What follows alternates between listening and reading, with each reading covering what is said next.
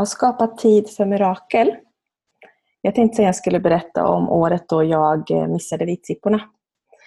Men temat skapa tid för mirakel. Vad har du fått inspiration från det, Jenny? Eh, för mig är det jätteviktigt att göra plats i min kalender för att ha utrymme för att stanna upp. Och i förra veckan eh, på ett av våra fantastiska sociala medier, beror på hur man ser på saken, så dök det upp ett Eh, inlägg med Björn Natthiko Lindeblad som då var munk under många år.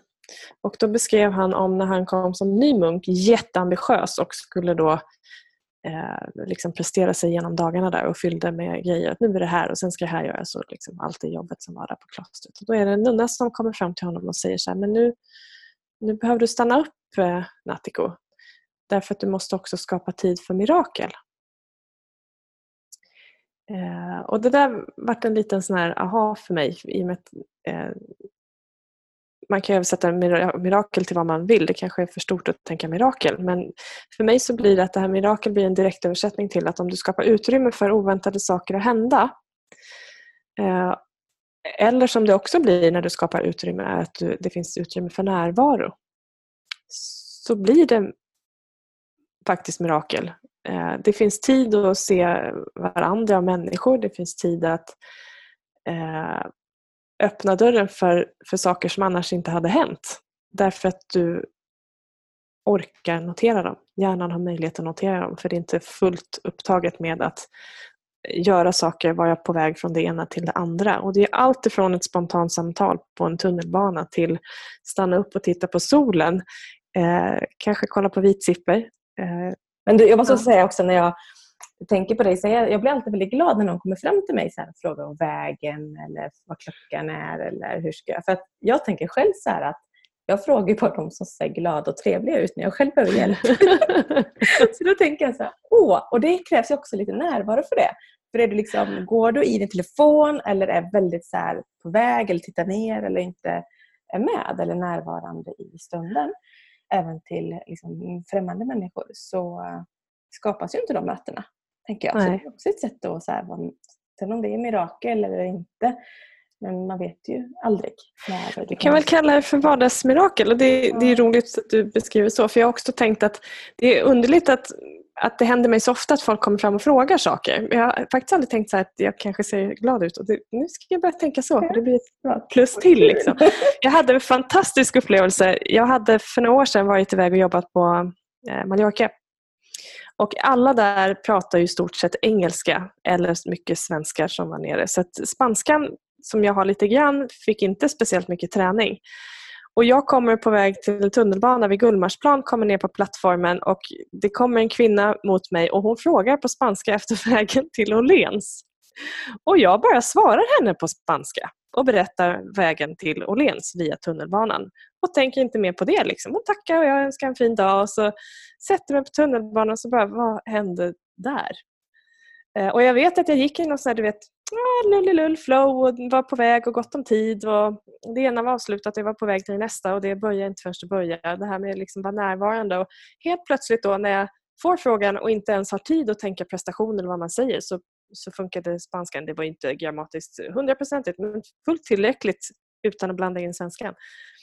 Eh, och Det kan man väl kalla som ett litet vardagsmirakel. Och liksom det här att nästan bli tagen på sängen fast vara i ett sånt tillstånd att det bara så här, ja, du frågar, det skedde naturligt på något sätt. Ja. Det skedde naturligt. Vi är ju båda, du sa att du brukar skapa tid i kalendern eh, för just oplanerade saker eller ha luft i kalendern. Och jag är också en sån som planerar ganska mycket och Alltså det, den strategin funkar för mig. Och jag hörde någon gång en föreläsning kring det här med att eh, planera kontra vara spontan. Eh, för ibland har jag upplevt att jag planerar så, så himla mycket. Men då var det en föreläsare som satte ord på det för mig som, som hjälpte mig att tänka annorlunda. För hon sa att ja, men när du planerar på det sättet, till exempel också med luft då, som du gör, eh, så har du möjlighet att vara liksom, flexibel och eh, spontan. Annars är det bara impulsiv. Att liksom bara ah, det här kommer något kul och så bara kör du på det för du, har ändå, du vet inte riktigt vad du ska göra eller vart du är på väg. Men med en god planering så kan det också vara spontan just för att du vet vad som kan justeras på eller ändras på så inget tappas. Så det kan också ja, vara ett sätt att... Mm. Absolut, det, det är jätteintressant för jag har ju ett utrymme, eller utrymme, jag behöver få utrymme att vara kreativ och flexibel. Och Det där har ju krockat i min hjärna för att det här med struktur då i min hjärna var ju tidigare att har jag för mycket struktur så kommer det döda flexibilitet. Eh, och lite smartare, lite vis av erfarenhet så har jag insett att ju mer struktur jag har men också då struktur i att skapa luft för det som behöver få vara flexibelt. Ju mer struktur, ju mer flexibilitet. För att strukturen gör att det som måste funka, funkar. Och då finns det också utrymme och energi till flexibilitet. Att vara i de här tillfällena när saker bara händer eller vara närvarande och våga känna efter. Men vad vill jag göra idag? Vilka vill jag tillbringa tiden med? Och Det gör ju att jag blir mer autentisk med mig själv men också att jag faktiskt är en mycket trevligare människa att umgås med för de som är runt omkring mig. För det, det är ju aktiva val hela tiden. Ja, och jag, för att hoppa till något helt annat, jag som har förmånen att hänga ganska mycket med vår underbara treåring Angelina, eh, ger ju mig mycket sådär vardagsmirakel. Men barn är ju fantastiska på det att de ska någonstans och så bara Wow, en myra! Kolla! Och så sitter de där och tittar, eller en vit sten på grusgången. Och, och, och egentligen ser då mirakel, för det är väldigt ofta hon hittar så vita stenar på vår grusuppfart.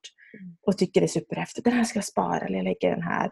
Och att faktiskt då som medmänniska eller förälder eller bara som jag, att stanna upp istället för att säga skynda nu, vi ska iväg eller vi har en tid att passa. För det är ju många gånger vi ska till någonting.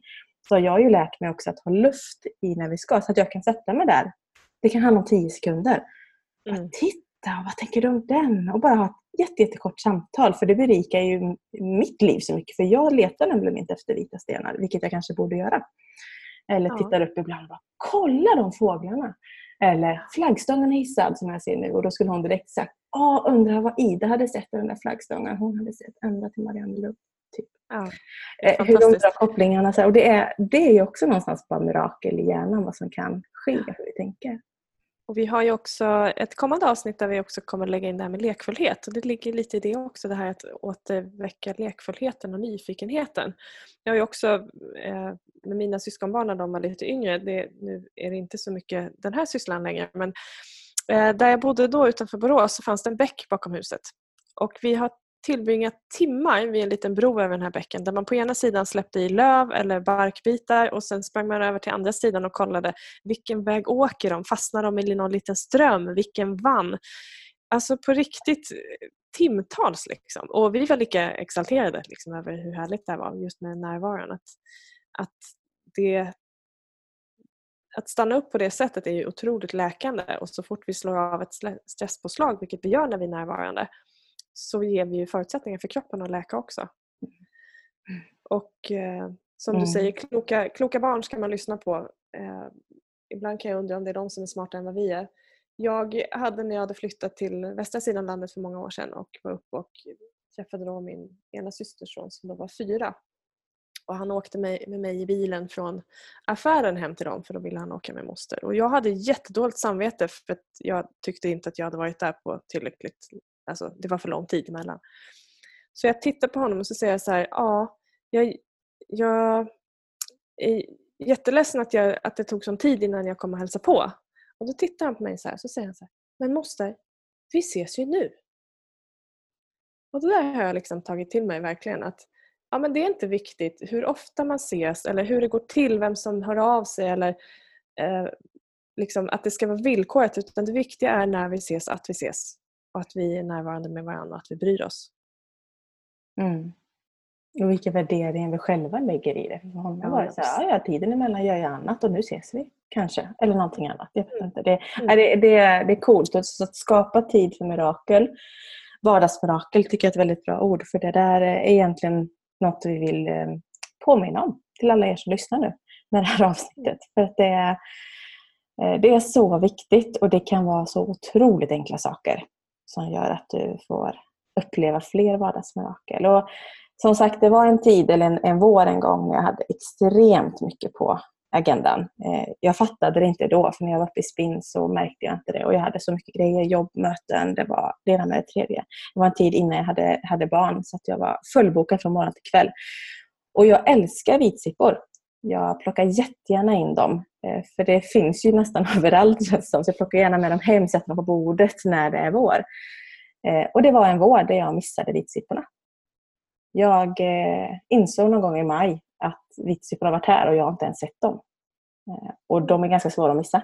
För de är ju rätt mm. så tydliga när de är.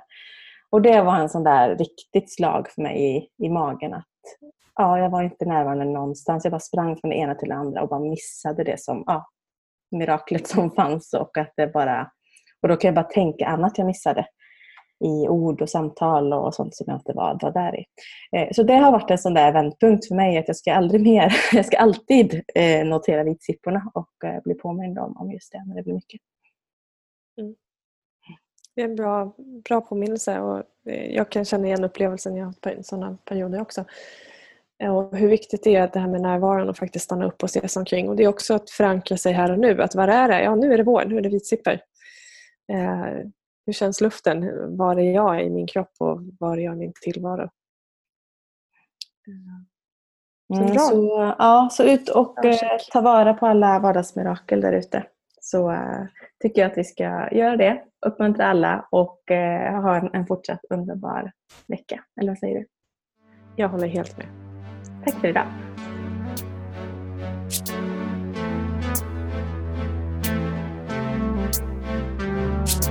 Everybody leads, everybody leads, everybody leads. Higher, go higher. Everybody leads, everybody leads, everybody leads.